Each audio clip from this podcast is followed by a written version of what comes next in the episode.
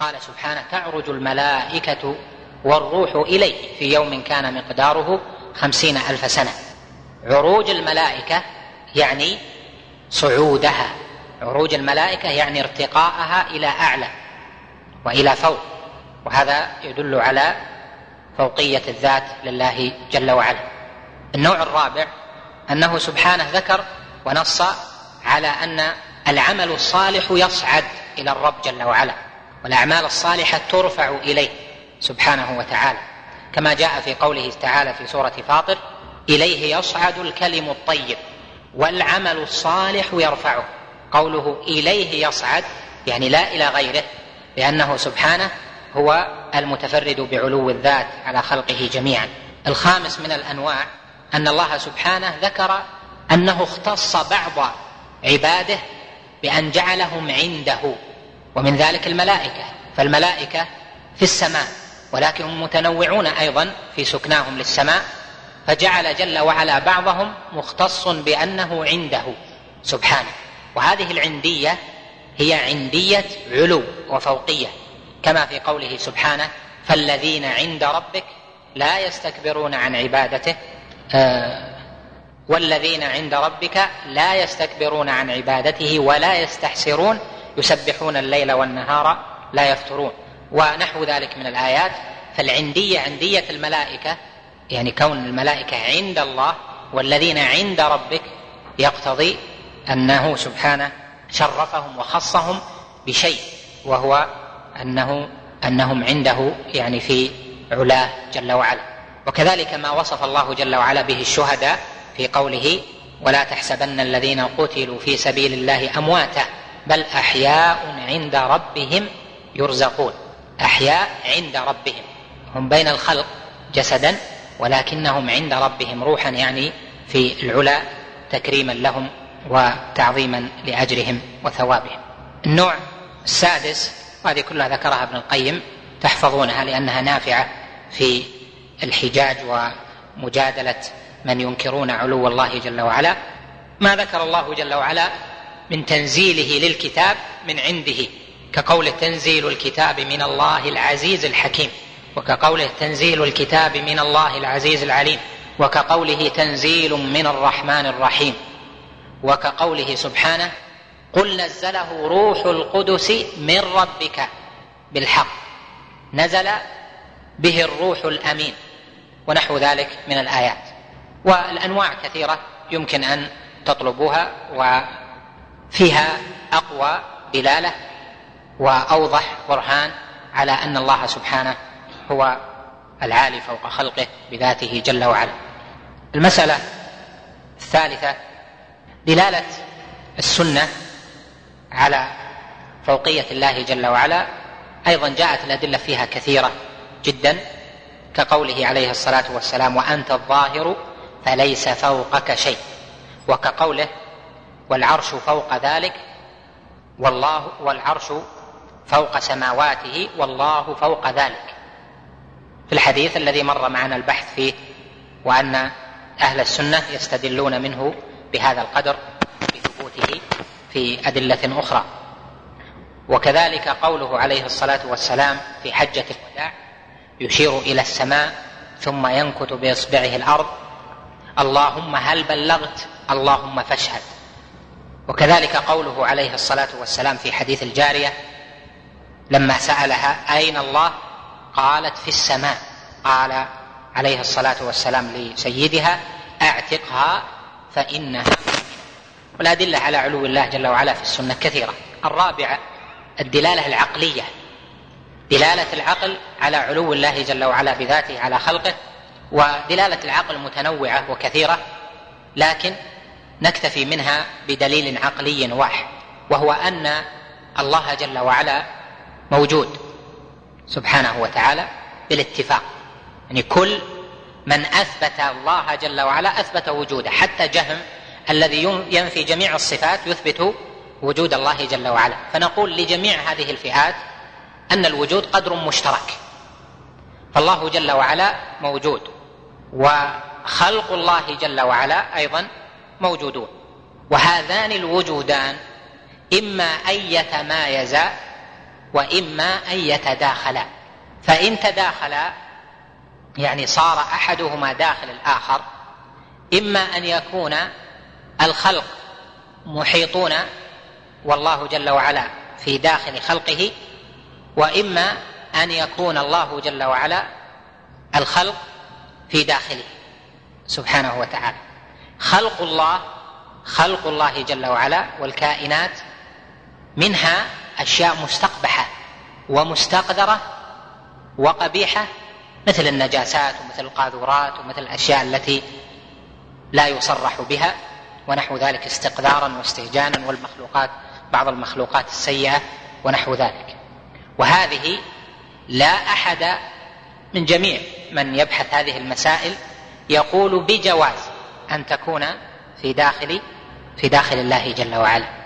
فاذا حصل إلى أنه يتعين أن يكون الله جل وعلا عاليا على خلقه.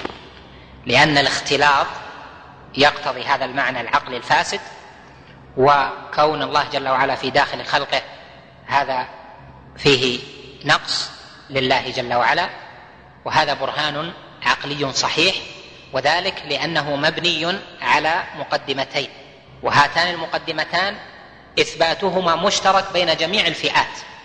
المقدمه الأولى وجود الله جل وعلا والمقدمة الثانية تنزه الله جل وعلا عن عن أن يكون في داخله شيء مما يستقبح أو يستقذر المسألة الرابعة أو الخامسة الخامسة هذا في الدليل الفطري.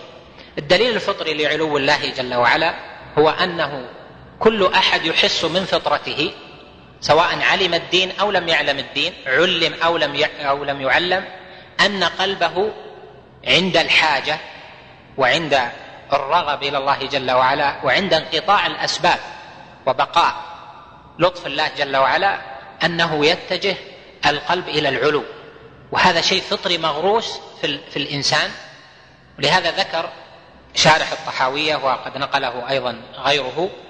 ذكر القصة قصة الزاهد الأثري الهمذاني مع أبي المعالي الجويني الذي يلقب بإمام الحرمين حيث ذكر إمام الحرمين في درسه نفي علو الله جل وعلا على خلقه علو الذات وأن المراد بذلك علو القهر وعلو القدر. فقال له الشيخ الهمذاني يا أستاذ وكلمة أستاذ في الزمن الأول تطلق على من أجاد فنا من الفنون وأما كلمة الشيخ فتطلق على من له مكانة وديانة وورع خوف من الله جل وعلا. فقال له يا أستاذ بإجادته فن الكلام أخبرني عن هذه الضرورة التي أجدها في نفسي وهي أني أطلب العلو إذا احتجت إلى الله جل وعلا. فقال أبو المعالي حيرني الهمذان حيرني الهمذان. لأن قوله بنفي العلو لله جل وعلا هذا مناف للفطرة. فلما استدل عليه بالفطرة قال حيرني الهمذان. وقد ذكر بعض من صنف في الرحلات كما ذكرته لكم في هذه الدروس ذكروا أنهم زاروا في وفد ذهب من الخليفة العباسي إلى روسيا يعني إلى بلاد الترك اللي هي روسيا الآن وقال وجدنا اناسا لا يعبدون الله جل وعلا وليس عندهم رسالة يريدون أن يشرحوا لهم الإسلام. قال ولكننا وجدنا أنهم إذا أصابتهم شدة وعواتي إما من المطر ونحوه أو من من قحط ونحو ذلك خرجوا إلى الفلاه ورفعوا أيديهم إلى السماء ونظروا إلى السماء يهمهمون كأنهم يطلبون الفرج ممن هو في السماء. وهذا أمر مركوز في الفطرة كما ذكرنا لك. اذا دليل علو الله جل وعلا وفوقية الرب سبحانه وتعالى دليل من القرآن والسنة ومن العقل ومن الفطرة. نكتفي بهذا القدر ونكمل إن شاء الله تعالى ما يتصل بهذا البحث الأسبوع القادم بإذنه تعالى. نجيب عن بعض الأسئلة. ذكرتم كثرة الأدلة على ثبوت علو الله جل وعلا بذاته ومع ذلك فأكثر الفرق تنكره وتصرفه إلى المعاني الأخرى. فما سبب ذلك؟ سببه أن إثبات العلو عندهم علو الذات يقتضي إثبات الجهة أن يكون الله جل وعلا في جهة. وإثبات الجهة يقتضي التحيز والتحيز ممتنع عندهم عقلا لأنه من صفات الأجسام. فمنعوا العلو لأجل ذلك. هذه شبهتهم. ذكر بعض العلماء في مقدمته في مقدمة قول الحمد لله الواحد القهار العزيز الغفار يبسط كفه بالأسحار.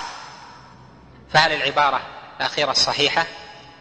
هذا أخذها من الحديث الصحيح الذي في الصحيح أن النبي عليه الصلاة والسلام قال إن الله يبسط يده بالليل ليتوب مسيء النهار ويبسط يده بالنهار ليتوب مسيء الليل.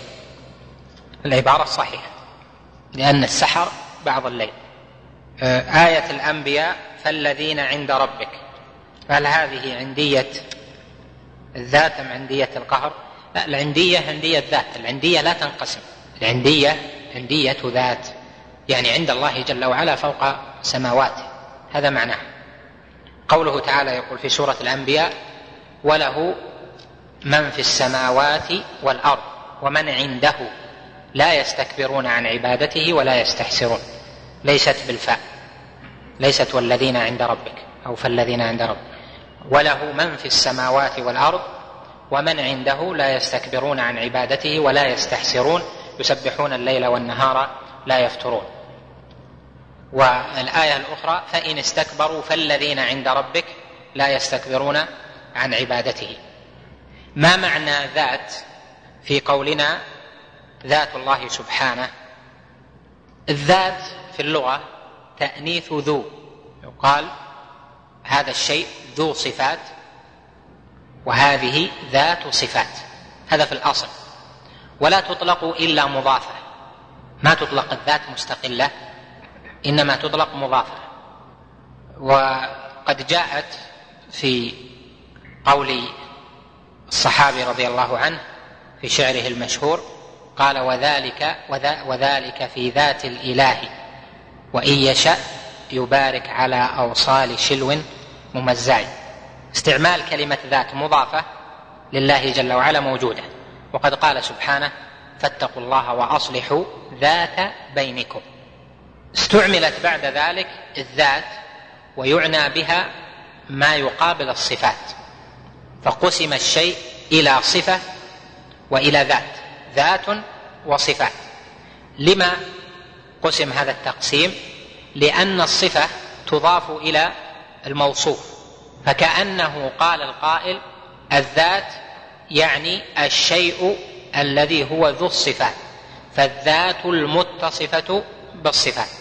فقسموها لأجل أن الذات كأنه نعتها بقوله الذات الموصوفة بالصفات فيكون تتمه الكلام محذوف.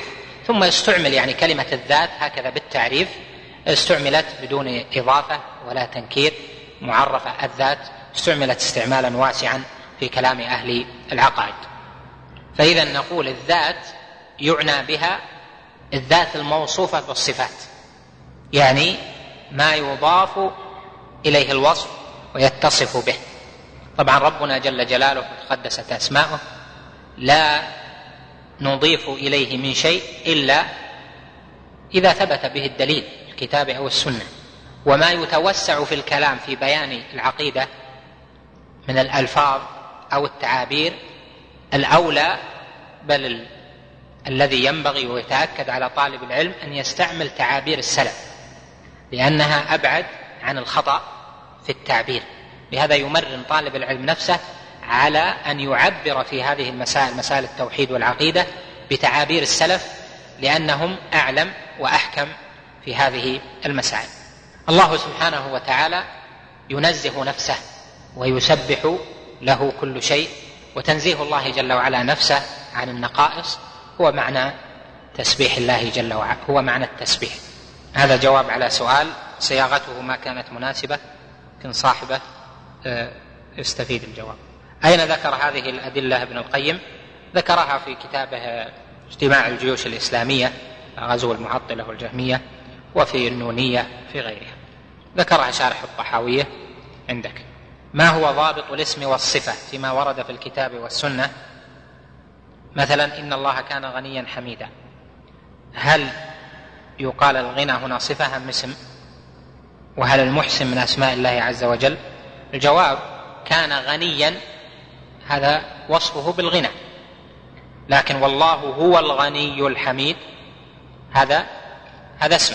وإذا أطلق الاسم فإنه يقتضي الاسم والصفة لأن أسماء الله جل وعلا مشتملة على الصفات.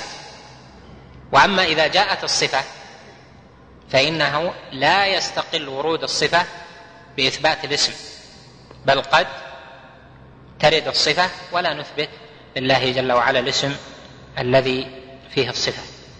وهذه فيها يعني بحث أطول في وقته إن شاء الله. نعم؟ المحسن من أسماء الله جل وعلا لأنه جاء في الحديث إن الله محسن ومن أسماء العلماء من القديم عبد المحسن وشيخ الإسلام ابن تيمية وابن القيم وعلماء الدعوة أيضا إذا ذكروا أسماء الله جل وعلا عدوا فيها المحسن. والمحسن صفة كمال والمحسن اسم متضمن لصفة كمال لا نقص فيها بوجه من الوجوه. يقول في بعض الكليات في الجامعة يذكر بعض المدرسين أشياء خطأ في العقيدة ولكننا لا نملك العلم الكافي لمجادلتهم وكذلك هم لا يسمحون بالمجادلة وكذلك نخشى إثارة الشبه وكذلك نخاف أن يتسلط علينا بالدرجات إلى آخره. مسائل الدرجات ونحو هذه ما هي بعذر أن من رضي الله عنه أرضى عنه الناس. وأنا أذكر مرة ما كنا في الجامعة حصل كان أحد الأساتذة يدرس وكان عنده خلل في في مسائل في الاعتقاد في مسائل الصحابة رضوان الله عليهم والخلاف الذي حصل بين علي رضي الله عنه ومعاوية. فذكرت له آه، قول أهل السنة وأن الصحابة يجب احترامهم تعظيمهم وتوقيرهم وأن هذا دين. كلمات التي فيها تنقص أو تحتمل التنقص لا يجوز أن تقال. هذه ما ما يرضى بها من يعظم ويوقر الصحابة. حصل بحث ثم آه، تركت الحضور إلى آخر العام إلى الاختبار. هذا يمكن عام من عشرين سنة تسعة وتسعين أو نحوها أو ثمانية وتسعين. فولله الحمد لا يعني ما حصل لا حذف ولا درجات ولا ولا تنقيص ولا حرمان مثل ما يقولون إلى اخره أنه كان غياب مستمر. المقصود أن العبد إذا نصر الله جل وعلا ونصر دينه لا بد أنه يحصل له ابتلاء. وقد يكرمه الله جل وعلا بأنه يحفظه وهذا من نعمة الله جل وعلا وكرمه. فلهذا ينبغي أن يكون العبد واضحا في في هذه المسائل. إذا كان يعلم يبين له. لكن كيف يبين؟ هل هو بإغلاظ أم يبين بالمجادلة المحمودة؟ ولا تجادلوا أهل الكتاب إلا بالتي هي أحسن. وقال سبحانه وجادلهم بالتي هي أحسن. فالأسلوب مهم. والصدع بالحق لا يعني الغلظة في الكلام حتى يكون معاندا متجبرا مكابرا أو يغلظ هو آه، كما أغلظ آه، فرعون على آه، موسى فأغلظ عليه موسى بعد ذلك. المقصود من هذا أن من عنده علم واجب عليه أن يبينه ولا يجوز له أن يكتمه. لا بد أن يبينه إذا كان علم وكان حريا بالمسألة واضحة عنده لا شبهة عنده فيها لأجل أنه أحيانا يورد أيضا المجادل شبهة أخرى أو يضعفك أمام الآخرين فتصبح حجته أقوى. ولهذا لا يدخل في المجادلة إلا المتمكن. في مثل هذه الحالات إذا خشي المرء أن يجادل أمام الناس يذهب معه في مكانه أو يناقشه على انفراد فهذا أولى لكن السكوت مطلقا ما يسوء في أي مسألة. قد يرجح آه، طالب العلم عدم الإنكار علنا مثلا في بعض الأحيان لمصلحة شرعية لكن السكوت مطلقا بحيث أنه يمر المنكر أو فساد العقيدة أو نحو ذلك دون كلام فيه لا شك هذا آه، من الذنوب. قلتم من معاني العلو العندية هل هذا المعنى لغوي أم شرعي؟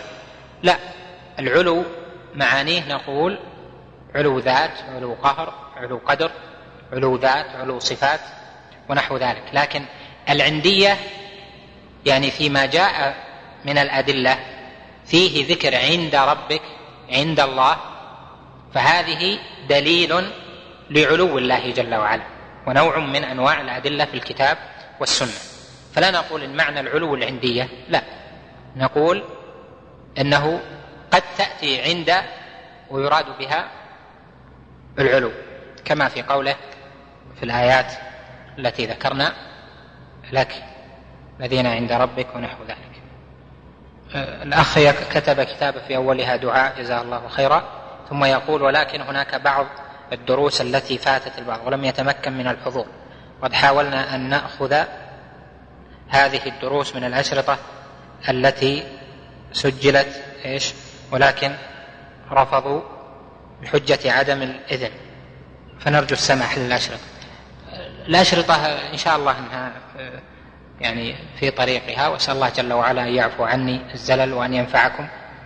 لكن الأفضل إنها تنتهي يعني تنتهي آه، ينتهي الشرح ثم تنشر الأشرطة. هذا أفضل.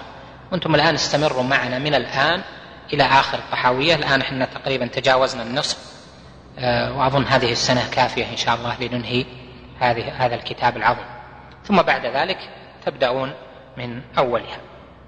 جاء عن النبي صلى الله عليه وسلم أنه نهى عن بيعتين في بيعة. فما صورة هذه المسألة؟ وهل تصح دليلا لمن منع التقسيط؟ وما حكم الزيادة مقابل الأجل؟ إلى آخره. النبي عليه الصلاة والسلام نهى عن بيعتين في بيعة. ونهى عن شرطين في بيع ومعنى البيعتين في بيعة والشرطين في بيع. معنى الشرط هنا المشروط وهو العقد. فالبيعة في البيعة يعني العقد في عقد. بيعتان في بيعة يعني عقدين في عقد. نهى عن شرطين في بيع يعني عن عقدين في بيع. وهذا هو التفسير الصحيح لها. صورة بيع التقسيط بيع التقسيط لا يدخل في هذا لأنه ينتهي المتعاقدان على أحد الصورتين ولكن يدخل فيه لو تفرقا بدون تحديد أحد عقدي البيع. هل هو آجل أم حاضر؟ يعني مثلا يقول القائل أنا أريد أن أشتري هذه السيارة فيقول لذاك لا بأس. هي حاضر بمئة وآجل بمئة وعشرين. فيقول الثاني وافق شريت. فيقول انتهينا. فيستلم السيارة. هنا ما تحددت الصورة. هل هو اشترى حاضرا أم اشترى آجلا؟ فلهذا ذكر السلف ما جاء عن ابن مسعود رضي الله عنه وعن غيره فيه عدم التحديد. تحديد صورة العقد. هل هو آجل ولا حاضر؟ لأنه يختلف لأن الضمان أيضا يختلف وثم أشياء تترتب على ذلك. أما إن تفارقا على صورة من صورتي العقد على هذه أو هذا فهذا يسمى بيع إما حاضر وإما آجل أريد هذه السيارة؟ قال بمئة حاضر وبمئة وعشرين آجل قال أريدها حاضرة. تم. هذا عقد مستقل وشراء بعقد واحد غير متعدد. قال أريدها آجلة. قال بمئة وعشرين. فكتب العقد أو اتفق على أن البيع آجل بمئة وعشرين بعد سنة. فهذا ليس بيعتين في بيعة. بيعتين في بيعة يعني اللي إما كذا وإما كذا والمباع واحد. إما مئة حاضرة أو مئة وعشرين مؤجلة والمثمن واحد. صار هناك آه، صار عقد صار عقدان في في عقد. أما إذا تفارق على صورة واحدة فهذا عقد واحد. قال أريدها آجلة بمئة وعشرين. هذه صورة البيع الآجل آه، اختلف المعاصرون فيه. وأتباع المذاهب الأربعة والأئمة الأربعة متفقون على جوازه. وقد نقل هذا نقل اتفاق الحافظ في فتح الباري فقال وقد اتفق العلماء. على جواز البيع الآجل ازدياد الثمن لقاء الأجل إذا تفارق على بينة. ولهذا نقول الصحيح الذي هو قول جماهير أهل العلم وهو المتفق مع الأدلة وأقوال السلف ولا يخالفها ما جاء لأنه يوجه للصورة التي ذكرنا من المفارقة دون تحديد أحد صورتي البيع. نقول الصحيح جواز بيع التقسيط جواز البيع الآجل يعني أن يزيد في الثمن لقاء الأجل. هذا ليس بربا وليس ببيعتين في بيعة لأن فيه إرفاق فيه إرفاق بالناس والإرفاق مطلوب. وهذا مع هذا جواب قوله ما حكم الزيادة مقابل الأجل؟ الزيادة في المثمن في السلعة مقابل الأجل جائزة. ثم بعد ذلك هو يسلم الثمن بعد انتهاء الأجل بعد السنة بعد السنتين يقول بشتري منك هذا البيت بخمسمائة ألف مليون ريال. متى تسدد؟ قال بسدد لك بعد سنتين. قال لا بعد سنتين سدد لي بجعل القيمة مليون ومئة. قال ما يخالف. فيتفارقان ويكون التسديد بعد مضي المدة. لا بأس. إذا قال لا بأس أنا أجلها لك الثمن ولكن اجعله نجوما لي. يعني اجعله أقساطا. كلمة أقساط آه، في في الشرع في الأدلة في كلام السلف تسمى النجوم مثل ما نجوم الكتابة إذا أراد المكاتب أن إذا أراد العبد أن يعتق نفسه فإنه يجعل عليه الثمن نجوما. لا بأس لأن المقصود أنه المقصود في البيع الأصل في البيع الإباحة إلا ما نهى عنه الشارع لكن المطلوب أن لا يكون عقدا ربويا لا يكون عقد غرر وأن تتم الشروط الشرعية فيه. قل ما حكم قول القائل مادة القرآن في وقت كذا؟ الجواب أن القرآن كلام الله جل وعلا صفة من صفاته تعظيمه واجب لأنه أعظم شعائر الله جل وعلا التي أشعر عباده بتعظيمها وإجلالها. قد قال جل وعلا في سورة الحج ومن يعظم شعائر الله فإنها من تقوى القلوب فتعظيم شعائر الله واجب. تعظيم حرمات الله جل وعلا واجب.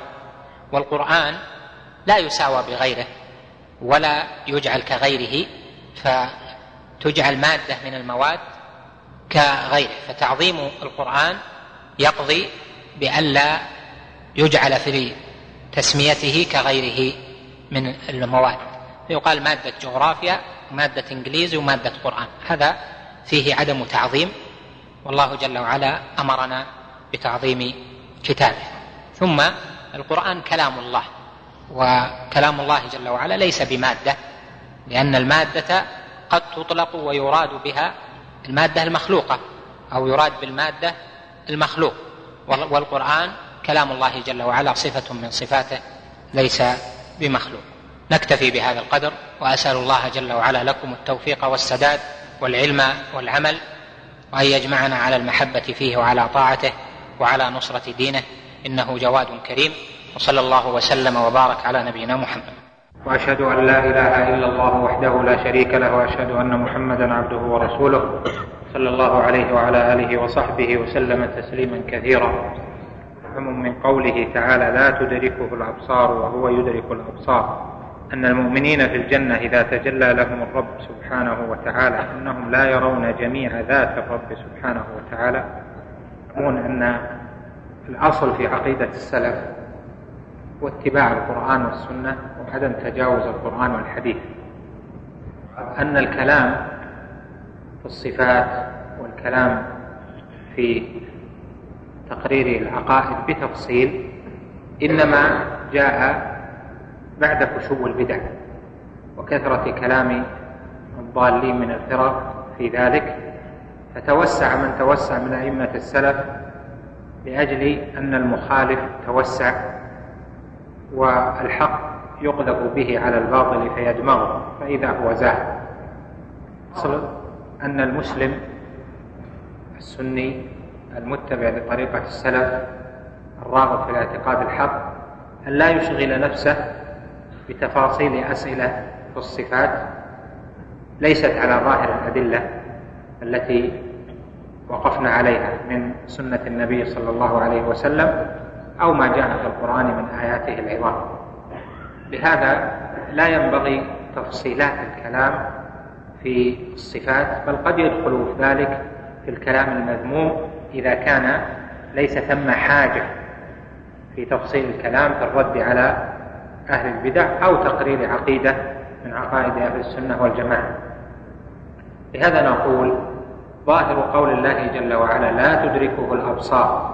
وهو يدرك الأبصار أن الله جل وعلا لا تحيط به الأبصار وأنه وإن رآه من شاء الله جل وعلا من عباده وشرفه بأن يرى الرب جل جلاله فإنه يراه رؤية وليست بإحاطة.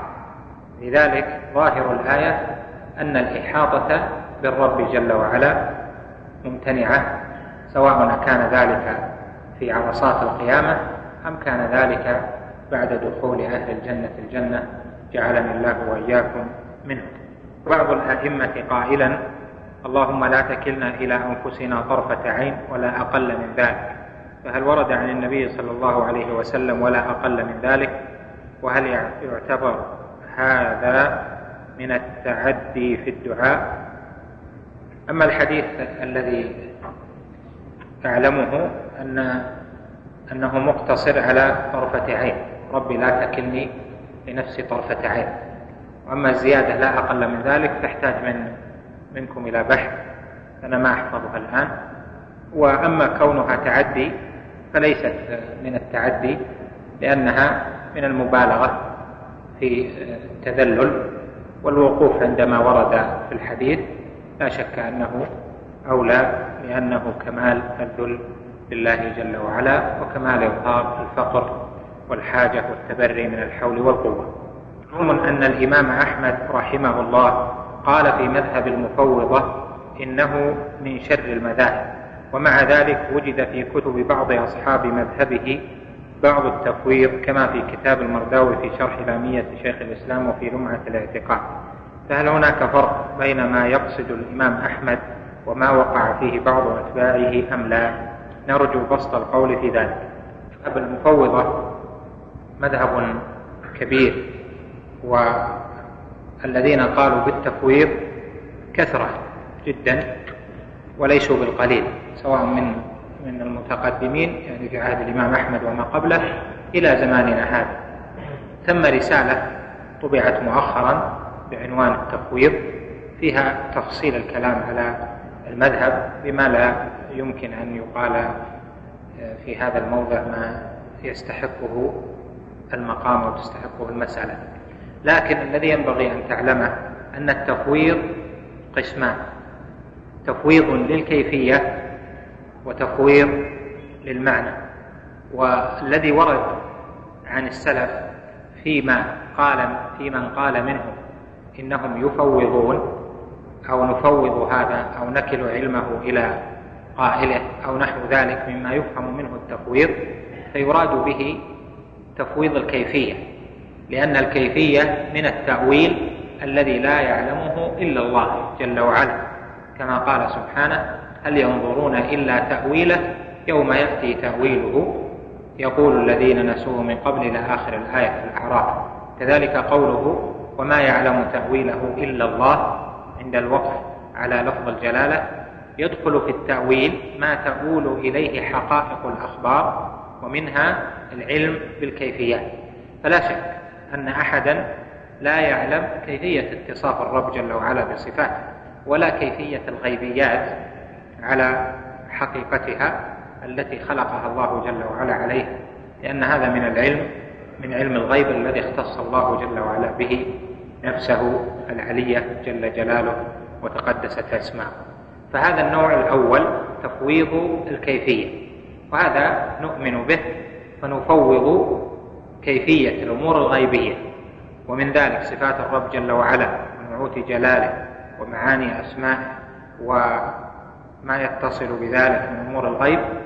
نفوض كيفيتها إلى ربنا جل وعلا. القسم الثاني من التفويض تفويض المعنى. يعني يقول أنا أفوض العلم بالمعنى. أفوض المعنى. ما أدري إيش معنى الرحمن الرحيم. ما أعرف إيش معنى الرحمن. ثم استوى على العرش. لا أعلم معنى استوى. أفوض معناها إلى الله. فالاستواء ربما يكون معناه القهر ربما يكون معناه العلو ربما يكون معناه آه، الرحمة ربما يكون أي معنى. فيفوضون المعنى فيقولون لا نعلم معاني الغيبيات ولا أحد يعلمها.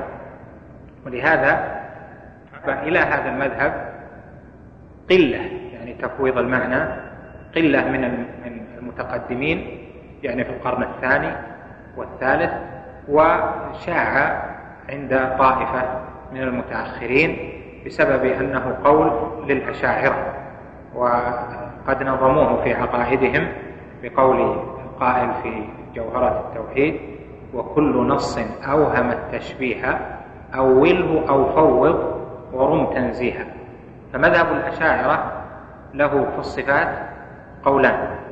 الأول وهو الراجح عندهم والأقوى أن يؤول تؤول الصفات التي تتعارض مع الصفات السبع التي أثبتوها تتعارض مع العقل.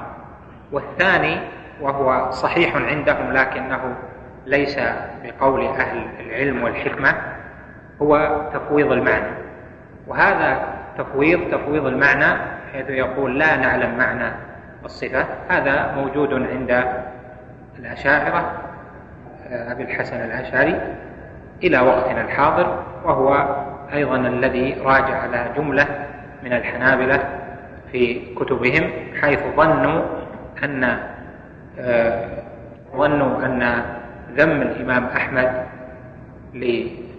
لمن فوض أنه تفويض الإثبات في أصله. يعني يقول لا ندري نثبت أو لا, لا ندري الصفة موجودة أو ليست موجودة أو نفي الصفة من أصلها. وفهموا أيضا من قوله آه، قول الإمام أحمد وقول الشافعي ونحو ذلك لا كيف ولا معنى يعني في الصفات مثل ما ساقها صاحب اللمعة. فهموا منه أنه التفويض. وفهموا أيضا من قول الشافعي نؤمن بما جاء عن الله على مراد الله ونؤمن بما جاء عن رسول الله صلى الله عليه وسلم على مراد رسول الله صلى الله عليه وسلم أنه التفويض. هذا التفويض في الحقيقة تفويض المعنى هو الذي قال فيه شيخ الإسلام ابن تيمية وقال فيه غيره أيضا إن التفويض هو شر المذاهب وذلك لأن تفويض المعنى يرجع إلى عدم العلم به. ولهذا صنفهم ابن تيمية في أول درء التعارض إلى أن من فوض فهو من أهل التجهيل يعني الذين يقولون إنه لا يوجد أحد يعلم معنى الصفات. ما يوجد أحد. الصحابة يعلمون لا. هذه المعاني مجهولة. حتى إن بعضهم يقول حتى النبي عليه الصلاة والسلام لا يعلم هذه آه، المعاني. إنما هو إثبات إثبات ألفاظ دون معاني لها. فنفوض المعنى لأنه لا معنى معقول من هذه الصفات. ولا شك أن مذهب المفوضة هو شر المذاهب لأنه يقتضي تجهيل الصحابة رضوان الله يعني بل يقتضي أن في القرآن كلاما وآيات كثيرة لا أحد يعلم معناه. معلوم أن أكثر القرآن في الغيبيات. ولهذا جاء أول آية في القرآن في امتداح الذين يؤمنون بالغيب. في سورة البقرة. ألف لام ميم. ذلك الكتاب لا ريب فيه. هدى للمتقين الذين يؤمنون بالغيب. والإيمان بالغيب يقتضي الإيمان بالكيفيات والله جل وعلا أعلم بها والإيمان بمعاني ما دلنا ربنا جل وعلا به على الغيب نؤمن بها على ظاهرها يعني على ما دلت عليه لغة العرب. نعم معلوم أن المعاني في الشيء الواحد تتفاوت. فمثلا إذا أخذت السمع إذا أخذت البصر إذا أخذت القوة خذ القوة مثلا والقدرة. الكائن الضعيف النملة لها قوة ولها قدرة ولها نطق ولها سمع ولها بصر. فأصل القوة موجود فيها. يعني المعنى القوة موجود فيها. ما هو أعلى منها في الخلقة من جهة مثلا الهرة موجود عندها قوة. لا شك موجود عندها بصر موجود عندها سمع موجود عندها قدرة على أشياء. خذ الأعلى منها الأعلى إلى أن تصل للإنسان إلى أن تصل من الحيوانات إلى ما هو من جهة القوة والقدرة أقوى من الإنسان يعني بذاته من جهة الحيوانات المفترسة كالأسد ونحو ذلك. مما هو إذا القوة قدر مشترك القدرة قدر مشترك. لكن نقول إنه ما دام أنها في النملة مختلفة عن الإنسان نقول لا.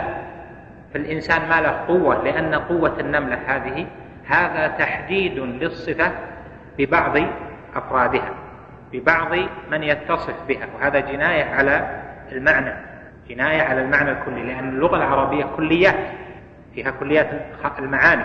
أما الذي يوجد في الخارج فيه الذوات.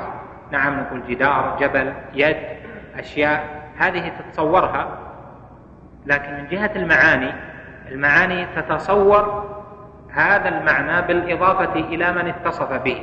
ولهذا شيخ الإسلام انتبه لقوة هذا المعنى في الرد على المبتدعة من الصفاتية والجهمية وغيرهم فقرره في كتابه التدمرية كما تعلمون. إذا فتفويض المعنى المعنى أصلا متفاوت. فإذا فوضنا المعنى معناه أن لا نعلم أي قدر من هذا المعنى. هذا آه، لا شك أنه نفي وجهالة بجميع دلالات النصوص على الأمور الغيبية وهذا باطل لأن القرآن حجة وجعله الله جل وعلا دالا على ما يجب له جل وعلا وما يتصف به ربنا سبحانه وتعالى من نعوت الجلال والجمال والكمال. يعني يحتاج إلى مزيد بسط لكن يمكن أن ترجعوا إليه في مظانه. والعلماء وظن أن مذهب شيخ الإسلام ابن تيمية والسلف هو التفويض حتى إنهم ينقلون كلام شيخ الإسلام ويحملونه على التفويض مثل السفارين. ومثل مرعي يوسف في أقاويل الثقات. وجماعة من المتأخرين ينقلون كلام شيخ الإسلام وفهموا مذهب الإمام أحمد ومذهب شيخ الإسلام ومذهب السلف الذي هو أسلم أنه التفويض. هذا ليس بصحيح. إذا كان المقصود تفويض المعنى بحيث إنه لا نعلم معنى استوى لا نعلم معنى وهو العلي العظيم. إيش معنى العلي؟ نقول لا نعلم معناها ما نعرف العلو ما نعرف هنا. العلي قد يكون بمعنى الرحيم قد يكون بمعنى القدير قد هذا تجهيل وجهالة بل ربما آل إلى طعن في القرآن. منهج أهل السنة في الرؤى والمنامات من حيث الاعتماد عليها. هذه لا يتميز بها أهل السنة عن غيرهم. هذه مسألة آه، من مسائل الفقه وأدب يعني الآداب العامة. مسافرا فأردت أن أجمع بين الظهر والعصر فصليت مع جماعة خلف إمام فعلمت بعد أن قام إلى الركعة الثالثة أنه مقيم لكني لم أقم معه إلى الثالثة فجلست ثم سلم بعدها دخلت معه مرة أخرى بنية صلاة العصر فما حكم ذلك؟ يجب عليك أن تعيد الظهر والعصر لأنك صليت آه، خلف إمام مقيم. الواجب عليك الفرض عليك أن تصلي صلاة المقيم. عن ابن عباس رضي الله عنه أنه قال من السنة إذا تم المسافر بالمقيم أن يصلي صلاة مقيم. هذا هو الواجب عليه. فلو صلى صلاة مسافر فإنه يؤمر بالإعادة لأن الواجب عليه أن يصلي صلاة مقيم. هذا سلم ثم دخل أيضا صارت صلاته الثانية من أصلها ومفارقته ليست واقعة موقعها. لذلك الواجب عليه أن يعيد الظهر والعصر. بين الهداية والتوفيق عند أهل السنة وهل بينهما عموم وخصوص؟ بينوا لنا ذلك. يشمل دلالة ما فيه أو ما الحاجة إليه. أنت محتاج إلى طريق تحتاج إلى من يهديك الطريق. تحتاج في مسألة إلى إيضاح تحتاج من يهديك في هذه المسألة. فأصل الهداية الدلالة فيها دلالة وإيضاح في القرآن العظيم جاءت الهداية وجاءت الهداية في مواضع كثيرة وقسمها أهل العلم إلى أربعة أقسام يعني على ما جاء في القرآن. القسم الأول الهداية العامة وهي هداية المخلوق إلى ما فيه بقاء حياته وحسن معاشه. والدليل على هذه المرتبة قوله جل وعلا الذي أعطى كل شيء خلقه ثم هدى يعني هداه إلى ما فيه مصلحته في دنياه إلى آخر ذلك. الله جل وعلا هدى الرضيع كيف يلتقم الثدي ويحتاج إليه وهدى الطائر لمصلحته وهدى الحيوان لمصلحته إلى آخر ذلك. النوع الثاني الهداية بمعنى الدلالة والإرشاد. دلالة وإرشاد من آخر لما فيه المصلحة مصلحة العبد في دنياه أو في آخرته أو فيهما معا. وهذه هي الأكثر في القرآن الهداية بهذا المعنى.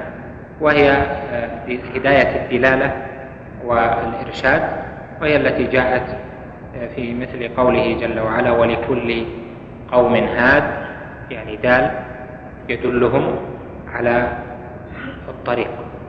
الثالث هداية التوفيق وهي أخص من الأولى يعني أخص من التي قبلها هداية التوفيق وهذه خاصة بالله جل وعلا هو الذي يوفق ويلهم. فالرسل هداة بمعنى أنهم يدلون ويرشدون لكن هداية التوفيق هذه من الله جل جلاله وما توفيقي إلا بالله. هذا حصر توفيق من الله جل وعلا دون ما سواه لهذا نفاها ربنا جل وعلا عن نبيه بقوله نبيه صلى الله عليه وسلم بقوله تعالى إنك لا تهدي من أحببت ولكن الله يهدي من يشاء. فنفى عنه الهداية في هذه الآية وجعلها لله جل وعلا. مع إثباتها لنبيه عليه الصلاة والسلام في قوله جل وعلا في آخر سورة الشورى وإنك لتهدي إلى صراط مستقيم. صراط الله الذي له ما في السماوات وما في الأرض ألا إلى الله تصير الأمور. فالنبي صلى الله عليه وسلم يهدي ولا يهدي. يهدي بمعنى أنه يدل ويرشد ويعلم إلى آخر هذه المعاني. ولا يهدي بمعنى هداية التوفيق. لا يوفق بل الذي يوفق ويعين العبد ويصرف عنه السوء ويعينه على الطاعة ويصرف عنه الشياطين حتى يهتدي بمعنى حتى يستقيم على أمر الله هذا رب العالمين جل جلاله وتقدست أسماءه. الهداية الرابعة التي في القرآن هي التي جاءت في سورة محمد وهي هداية أهل النار بالنار وهداية أهل الجنة بالجنة. فهدايه أهل الجنة بالجنة في قوله جل جلاله والذين قتلوا في سبيل الله فلن يضل أعمالهم سيهديهم ويصلح بالهم. هذه الهداية وقعت بعد القتل. وما بعد القتل؟ الهداية إلى أي شيء؟ هداية إلى الجنة. لهذا قال بعدها سيهديهم ويصلح بالهم ويدخلهم الجنة عرفها له. قال العلماء يهديهم يعني إلى الصراط وإلى طريق الجنة. وهداية أهل النار إلى النار كقوله في سورة الصافات فاهدوهم إلى صراط الجحيم. وقفوهم إنهم مسؤولون إذا تبين من هذا أن التوفيق مرتبة من مراتب الهداية والذي يتصل بالإيمان بالقضاء والقدر وفعل العبد من هذه المراتب المرتبتان الثانية والثالثة. هداية الدلالة والإرشاد وهداية التوفيق والإلهام. ولذلك شاع عند العلماء أن الهداية قسمان هداية دلالة وإرشاد وهداية توفيق وإلهام لأن هذين النوعين هما اللذان نحتاج إليهما في أعظم المسائل المتعلقة بالهداية وهي مسألة القضاء والقدر والهداية والضلال. أما الهداية العامة وهداية أهل الجنة الجنة والنار النار هذه متفق عليها معلومة عند الجميع. نكتفي بهذا القدر. اقرأ. والصلاة والسلام على أشرف الأنبياء والمرسلين نبينا محمد وعلى آله وصحبه أجمعين. قال العلامة الطحاوي رحمه الله تعالى ونقول إن الله اتخذ إبراهيم خليلا وكلم الله موسى تكليما إيمانا وتصديقا وتسليما. أنهيناها ولا أنا أذكر باقي فيها أشياء بس ما أدري. المسألة الخامسة. ما يتعلق بقوله في وصف الرب جل وعلا محيط بكل شيء وفوقه وقد أعجز عن الإحاطة خلقه. المسألة الخامسة أن فات العلو ربنا جل وعلا يعنى بهم من ينفي علو الذات لله سبحانه وتعالى. أما علو القهر والقدر فهذا يثبته الجميع. فإذا قيل نفاة العلو فيعنى بهم من ينفي علو الذات لله جل وعلا.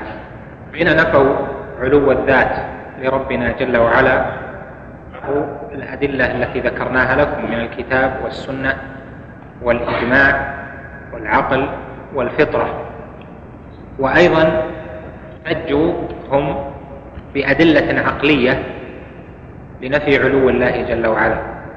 تعالى الله عن قوله والدليل العقلي الذي من أجله نفوا صفة العلو لله سبحانه وتعالى قالوا إن علو الذات يعني أن الله جل وعلا عالم على خلقه بذاته هذا يقتضي أن يكون في جهة لأن العلو أحد الجهات الست والجهات الست هي أمام خلف يمين شمال تحت وفوق. فإثبات الفوقية وإثبات العلو يقتضي أن يكون الرحمن جل وعلا في جهة من الجهات. وإثبات الجهة على أصلهم يقتضي أنه جسم.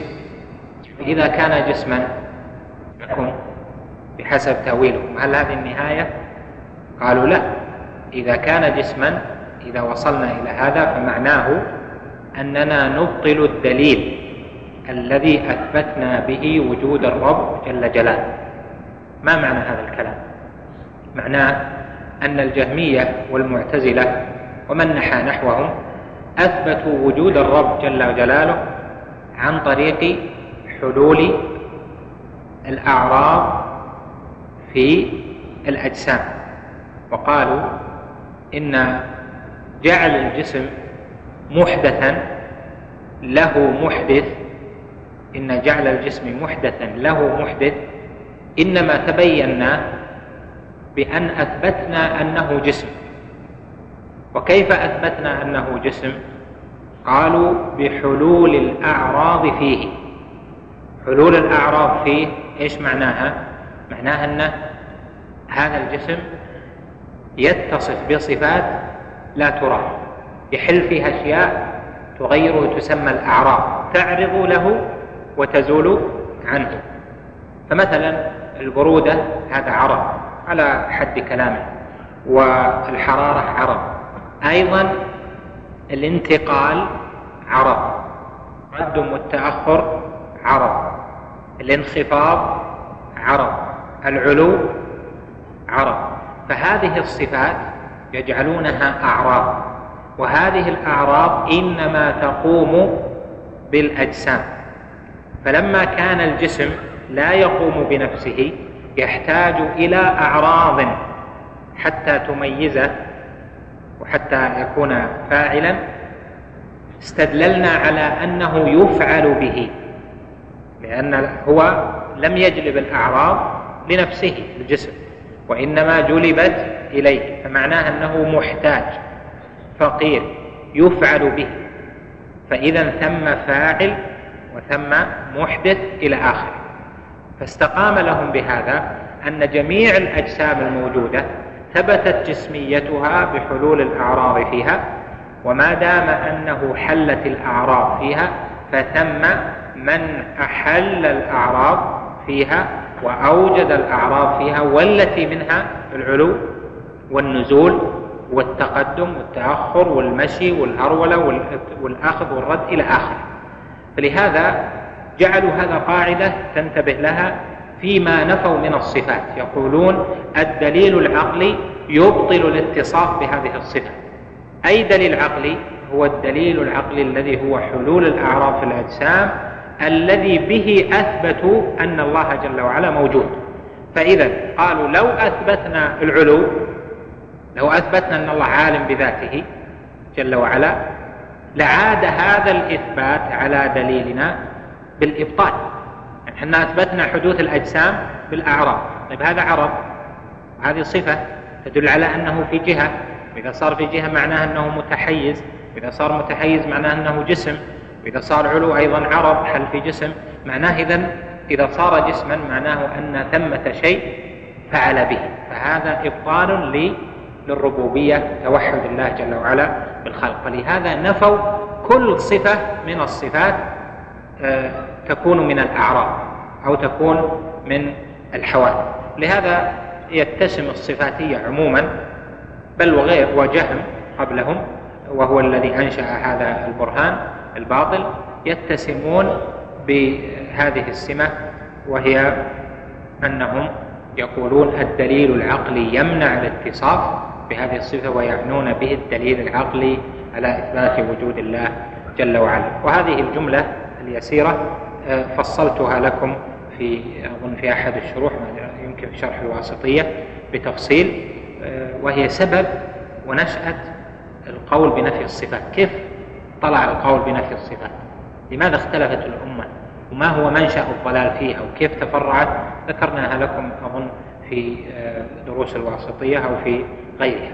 اذا فالشبهة التي من أجلها نفوا العلو هي أن العلو جهه وكون الرحمن في جهة معناها أنه متحيز كان متحيزا فمعناها أنه جسم إلى آخره. وهذه كلها ناشئة من اعتقادهم صحة الدليل الأول. والدليل الأول اللي هو إثبات وجود الرب جل وعلا عن طريق حلول الاعراض في الأجسام لا نسلمه. نقول هذا دليل أصلا باطل ودليل غير صحيح ولا يستقيم لإثبات وجود الرب جل وعلا. بل أعظم إثبات لوجود الرب جل وعلا هو الدليل القرآني وهو قول الرب جل وعلا في كتابه أم خلقوا من غير شيء؟ أم هم الخالقون؟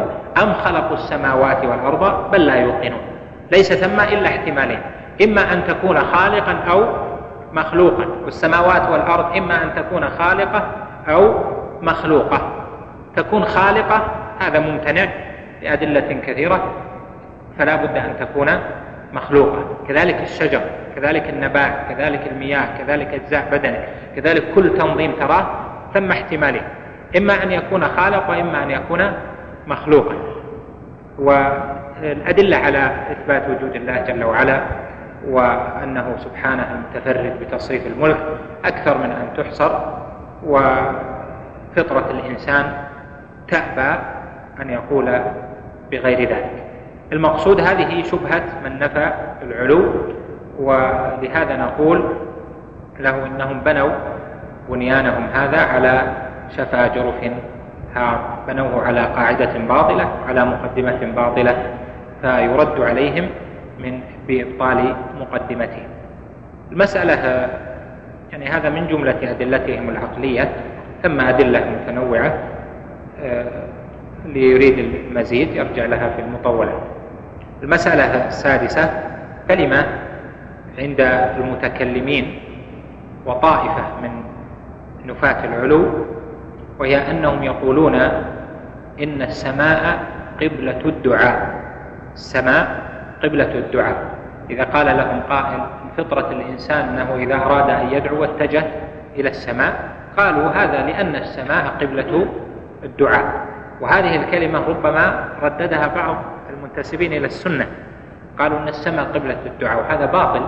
كلمة هذه باطلة.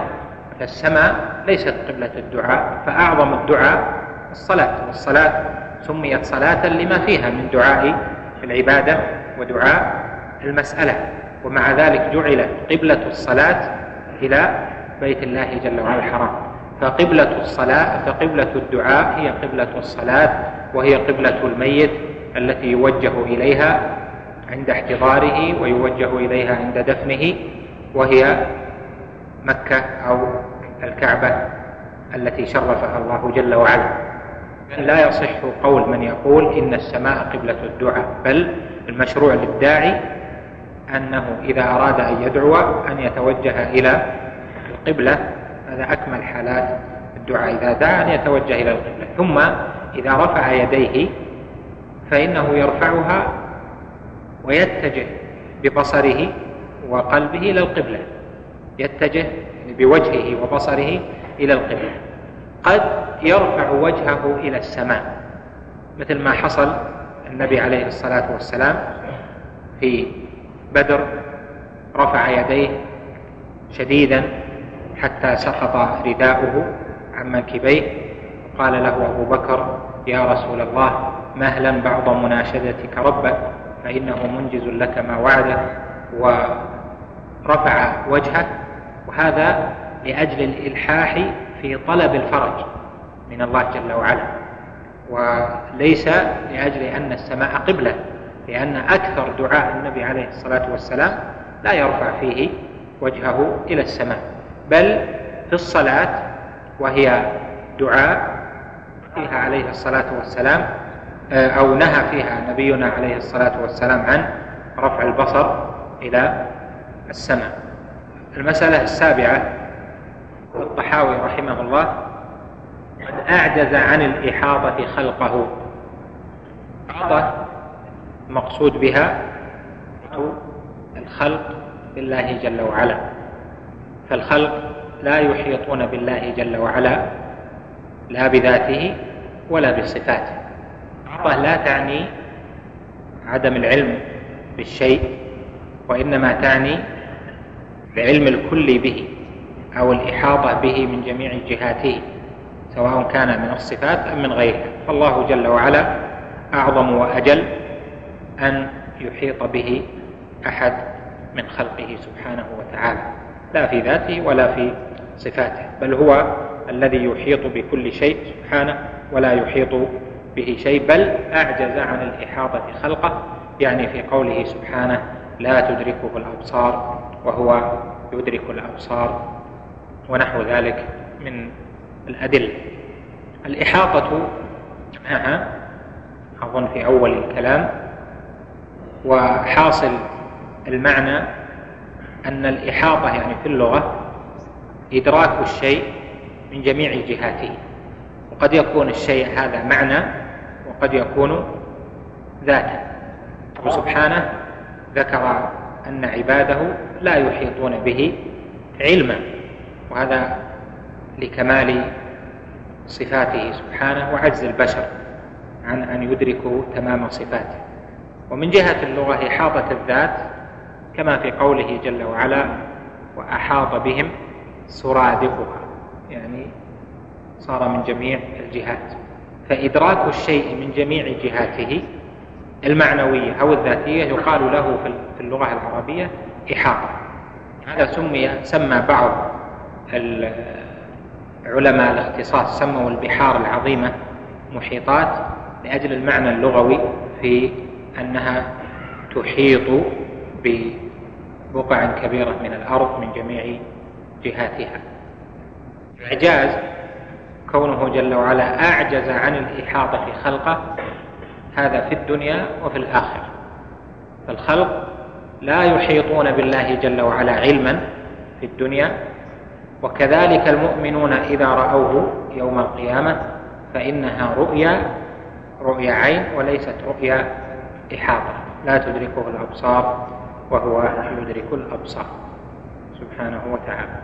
بعدها رحمه الله ونقول إن الله اتخذ إبراهيم خليلا وكلم موسى تكليما إيمانا وتصديقا وتسليما.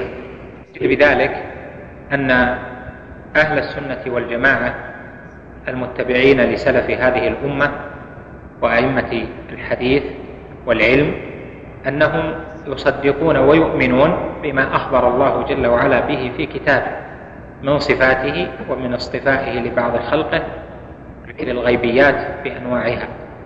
كما قال سبحانه في وصف أهل الإيمان الذين يؤمنون بالغيب ويقيمون الصلاة ومما رزقناهم ينفقون. فكل الغيب يؤمن به أهل أهل السنة والجماعة دون تفريق ما بين مسألة ومسألة ودون خوض في التأويل بما يصرفها عن ظاهرها. وقد ذكر الله جل وعلا لنا في القرآن أنه اتخذ إبراهيم خليلا. قال سبحانه في سورة النساء واتخذ الله إبراهيم خليلا. وكذلك اتخذ نبينا صلى الله عليه وسلم خليلا. وكلم الله جل وعلا موسى تكليما. كلمه فسمع موسى كلام الرب جل وعلا. وكذلك ربنا جل وعلا كلم نبينا محمدا عليه الصلاة والسلام تكليما يوم المعراج أو ليلة المعراج. فجمع الله جل وعلا لنبينا صلى الله عليه وسلم ما اختص به إبراهيم وما اختص به موسى من بين أهل زمانهم. فجعله عليه الصلاة والسلام كليما خليلا. هذه الجملة وهي نقول إن الله اتخذ إبراهيم خليلا جاءت في العقائد لأجل مخالفة الجهمية والجعدية وأشباه هؤلاء في إثبات خلة الله جل وعلا وفي إثبات الكلام لله جل وعلا. ومن أعظم المقالات شناعة في الإسلام مقالة الجعد بن درهم الذي زعم أن الله جل وعلا لم يتخذ إبراهيم خليلا ولم يكلم موسى تكليما وضحى به خالد بن عبد الله القسري أمير مكة يوم عيد الأضحى تقربا إلى الله جل وعلا بإراقة دم ذلك الكافر الذي كذب الله جل وعلا وكذب رسوله صلى الله عليه وسلم. هذه المقالة ورثها الجهمية ثم ورثها من يؤول الصفات فينفون صفة الخلة وينفون صفة الكلام لله جل وعلا. قوله إيمانا وتصديقا وتسليما هذه الجمل آه هذه الكلمات الثلاث متغايرة متغايرة الإيمان تصديق والتسليم تتداخل. فمن آمن قد سلم ومن صدق فقد آمن ومن آمن فهو مصدق. ولكن من جهة الحقيقة فإن المؤمن يعني من قال هذا الكلام إيمانا به قد يكون إيمانا لكن ليس تصديقا باتخاذ الخلة كقول المفوضة.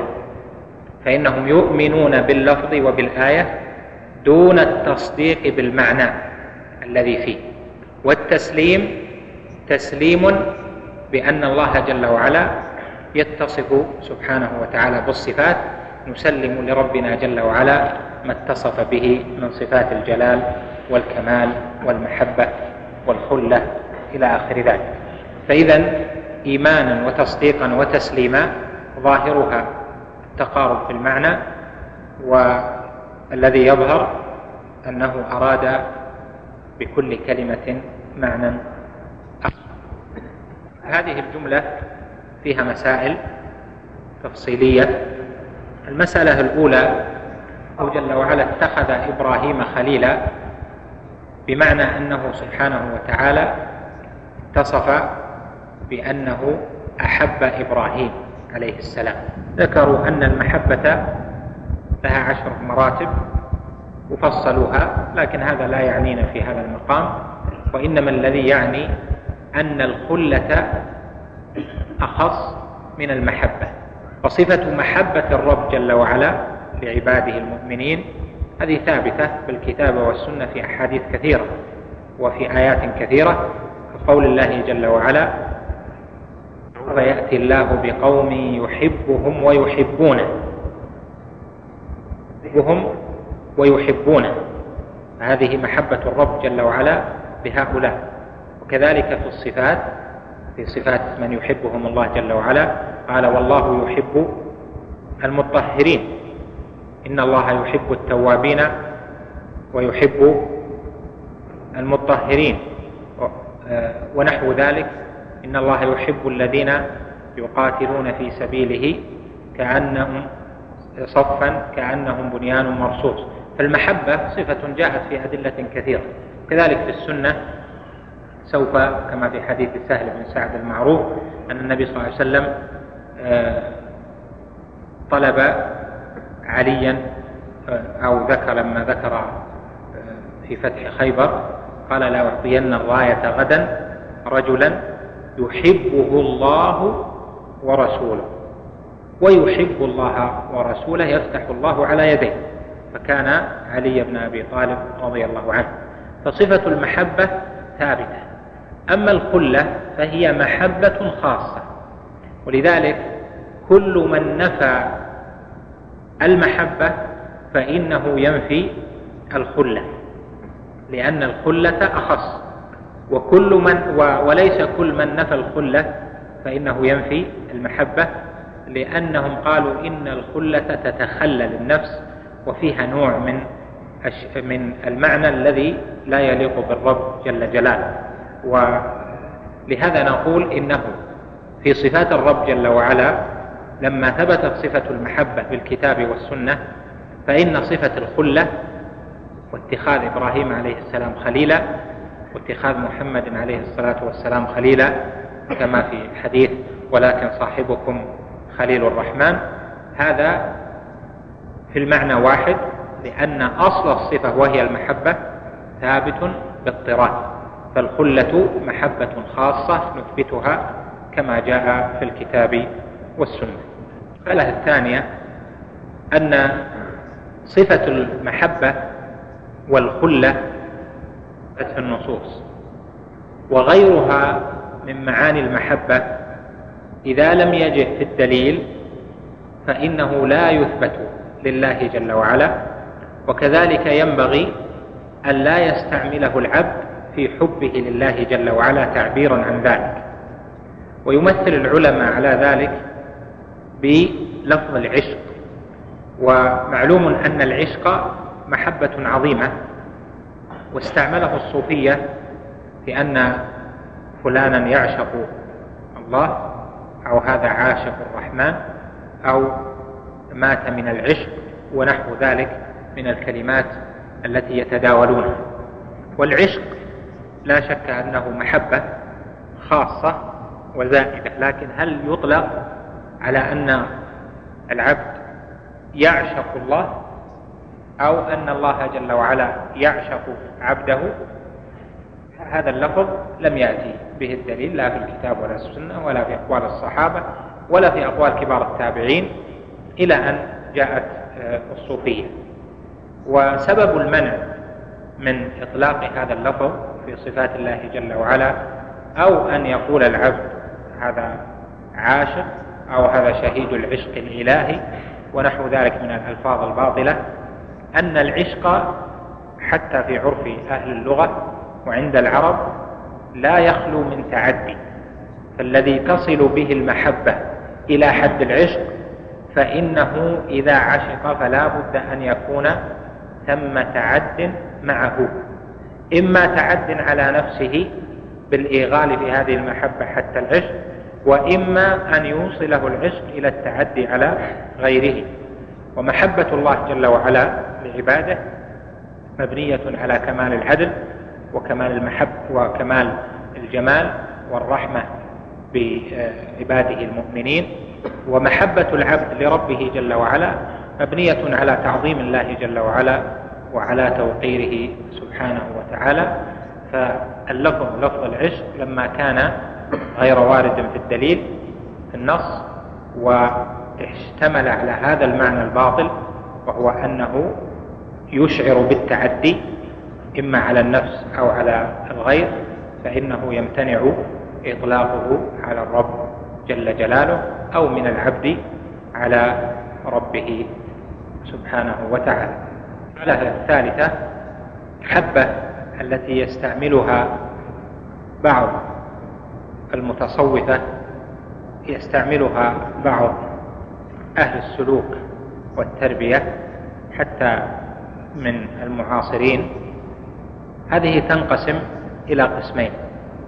الأول نقول يجوز إطلاقه يعني من العبد لربه جل وعلا وذلك إذا كان في معنى المحبة ولم يترتب عليه مخالفة للغة من جهة ما يليق بالله جل وعلا من الصفات والكمال والجلال.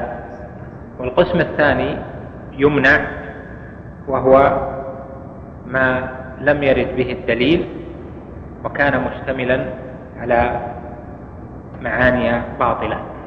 ذلك من الألفاظ آه، التي تمتنع العشق والغرام والتتيم ونحو ذلك.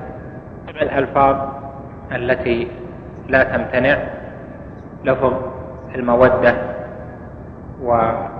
وأشبه ذلك من المعاني ضابط فيها أن تنظر هل هو المحبة ثابتة في أصلها فهل يخبر عن الله جل وعلا أو العبد يخبر عن محبته لربه بلفظ لم يرد؟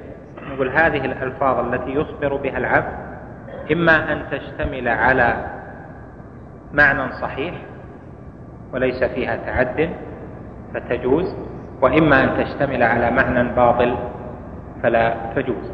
وترجعون في ذلك في تفصيله إلى قاعدة في المحبة للشيخ تقي الدين ابن تيمية رحمه الله. بعد ذلك صفة الكلام وقال وكلم موسى تكليما وصفة الكلام لربنا جل وعلا. المسألة إيش؟ الرابعة. صفة الكلام لله جل وعلا.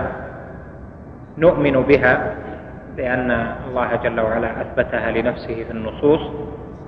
والكلام الذي هو صفة الله جل وعلا عند أهل السنة والجماعة قديم وحادث قديم النوع حادث الآحاد.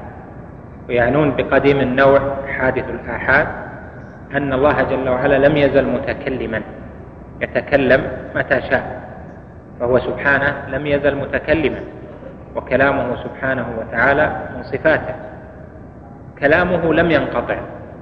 بل أفراده وآحاده يعني لا تزال متجددة. وهذه تنقسم إلى قسمين. يعني الآحاد. احاد تنقسم إلى قسمين. الكلام الشرعي والقرآن التوراة ونحو ذلك من كتب الله جل وعلا. والثاني الكلام الكوني وهو الذي يأمر الله جل وعلا به في ملكوته. كما قال سبحانه لو كان البحر مدادا لكلمات ربي لنفد البحر قبل أن تنفد كلمات ربي ولو جئنا بمثله مددا كذلك قوله في لقمان ولو أن ما في الأرض من شجرة أقلام والبحر يمده من بعده سبعة أبحر ما نفدت كلمات الله. يعنى بها الكلمات الكونية. هذا سمى الله جل وعلا كلامه محدثا يعني حديثا في قوله في أول سورة الأنبياء ما يأتيهم من ذكر من ربهم محدث إلا استمعوه وهم يلعبون. محدث يعني حديث جديد. كذلك آية الشعراء ما يأتيهم من ذكر من الرحمن محدث إلا كانوا عنه معرضين. المحدث ليس بمعنى المخلوق تعالى الله جل وعلا عن ذلك ولكن بمعنى الحديث الجديد. ولهذا قال عليه الصلاة والسلام في وصف ابن مسعود من سره أن يقرأ القرآن غضا طريا كما أنزل فليقرأه على قراءة ابن أم عبد. الكلام وما يتصل بها مر معنا آه، أشياء تتعلق بذلك. لعل لعله أن يأتي لها مزيد تفصيل لكن المقصود هنا ليس إثبات الصفة من جملة الصفات ولكن المقصود المخالفة في إثبات الخلة والكلام لموسى عليه السلام إيمانا وتصديقا وتسليما. قال لنا الكلام على الصفات صفة الكلام عند قوله وإن القرآن كلام الله. في تفصيل الكلام على صفة الكلام. بهذا القدر نلتقي بكم إن شاء الله الأسبوع القادم وصلى الله وسلم على نبينا محمد. بسم الله الرحمن الرحيم. أحمد ربي وأصلي وأسلم.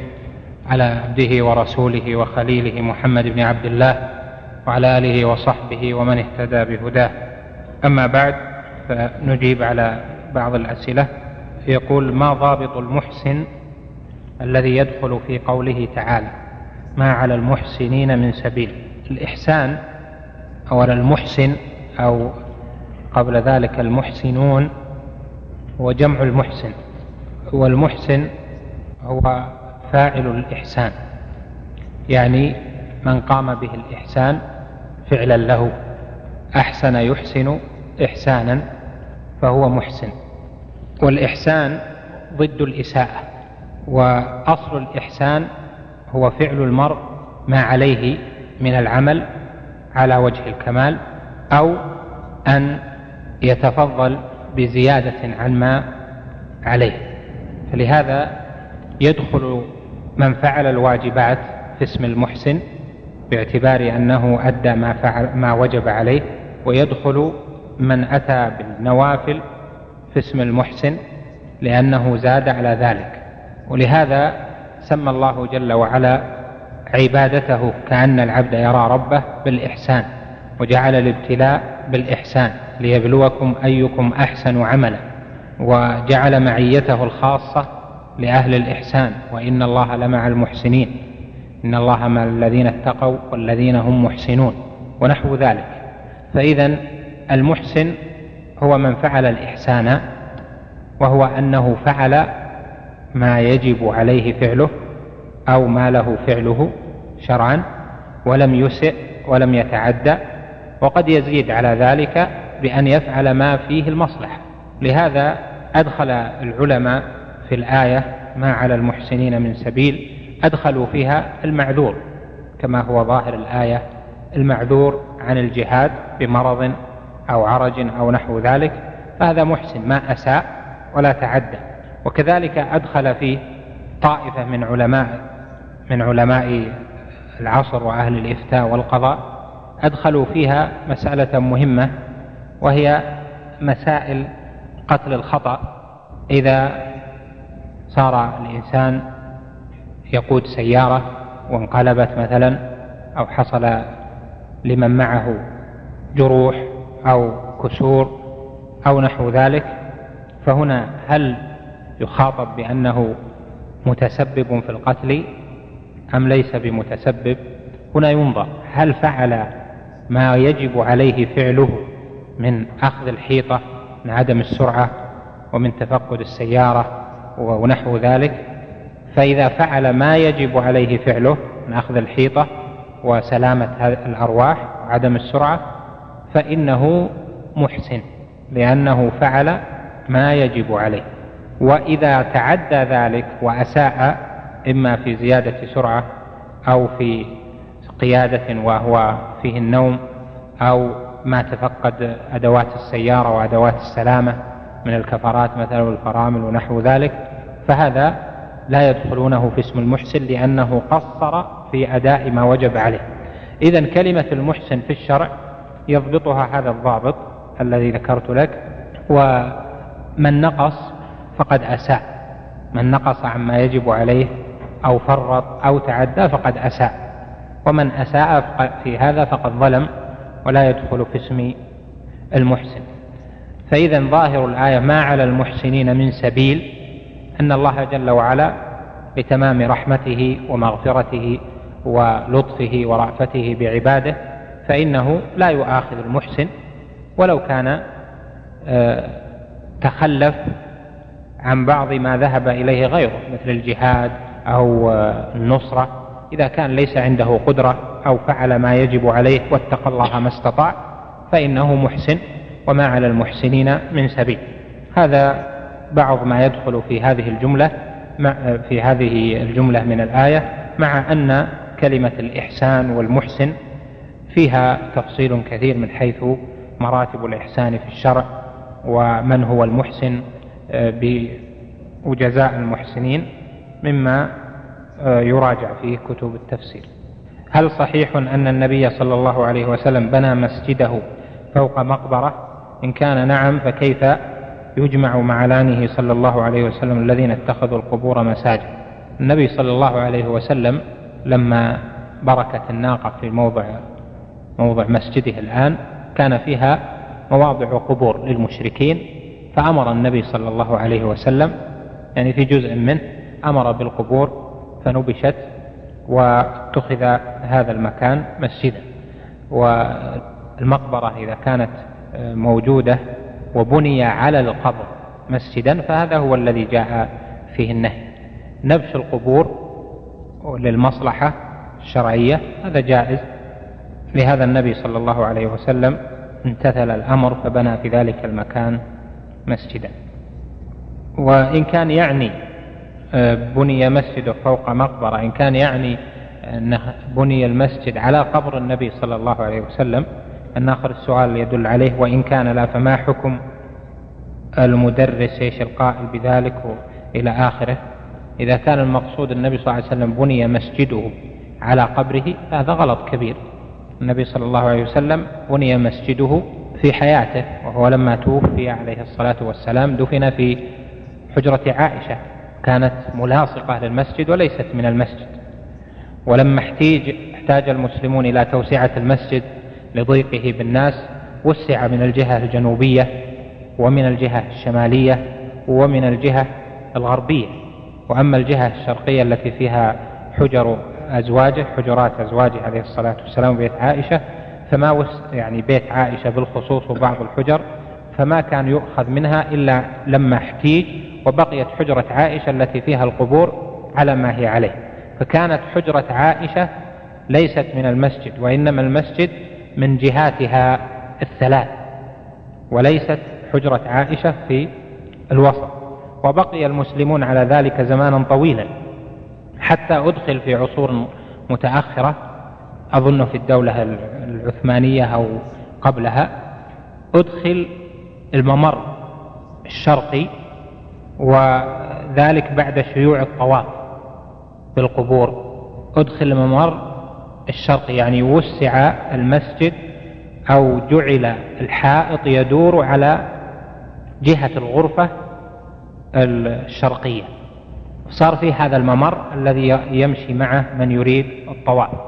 وهذا الممر وإن كان السور سور المسجد من تلك الجهة آه، خلفه لكن ليس له حكم المسجد ولا يقال القبر في المسجد إلى الآن ولا يقال الحجرة الآن في المسجد وإن كان ظاهرها من حيث العين أنها في المسجد لكنها حكما شرعا ليست في المسجد لأن الجهة الشرقية هذه الممر آه، لا يصح أن يكون مسجدا شرعا فلذلك إدخاله في المسجد باطل ولذلك الصلاة فيه في الجزء ذاك آه، لا تصح ولهذا يعمل في كثير من الأحيان أنه تسد وقت الصلاة تسد الجهات من ذاك الممر حتى ما يصلي المصلون حتى ما يصلي المصلون من جميع الجهات. ولذلك لما جاءت التوسعة الأخيرة توسعة الملك فهد آه، لم يبتدأ بالتوسعة من أول المسجد الأصلي وإنما ابتدأ بعد نهاية القبر صار يعني من نهاية الحجرة بكثير وبعد الباب آه، وصار الامتداد هناك. فإذا الواقع الآن يعني من حيث التاريخ ليس المسجد مبني على القبر هذا أولا الثاني أن القبر لم يدخل في المسجد وإنما اكتنفه المسجد من الجهات الثلاث جميعا. الأمر الثالث الجهة الرابعة من الشرقية من الحجر هذه أدخلت في عصور متأخرة لما شاع الطواف بالقبور ولما قامت الدعوة ووصلت الدولة السعودية إلى ذاك المكان واستفتي أئمة الدعوة في ذلك فلم يروا تغيير السور. أخي المستمع الكريم تابع ما تبقى من مادة هذا الشريط على الشريط التالي. مع تحيات تسجيلات الراية الإسلامية بالرياض هاتف رقم أربعة تسعة واحد واحد تسعة ثمانية خمسة. والسلام عليكم ورحمة الله وبركاته.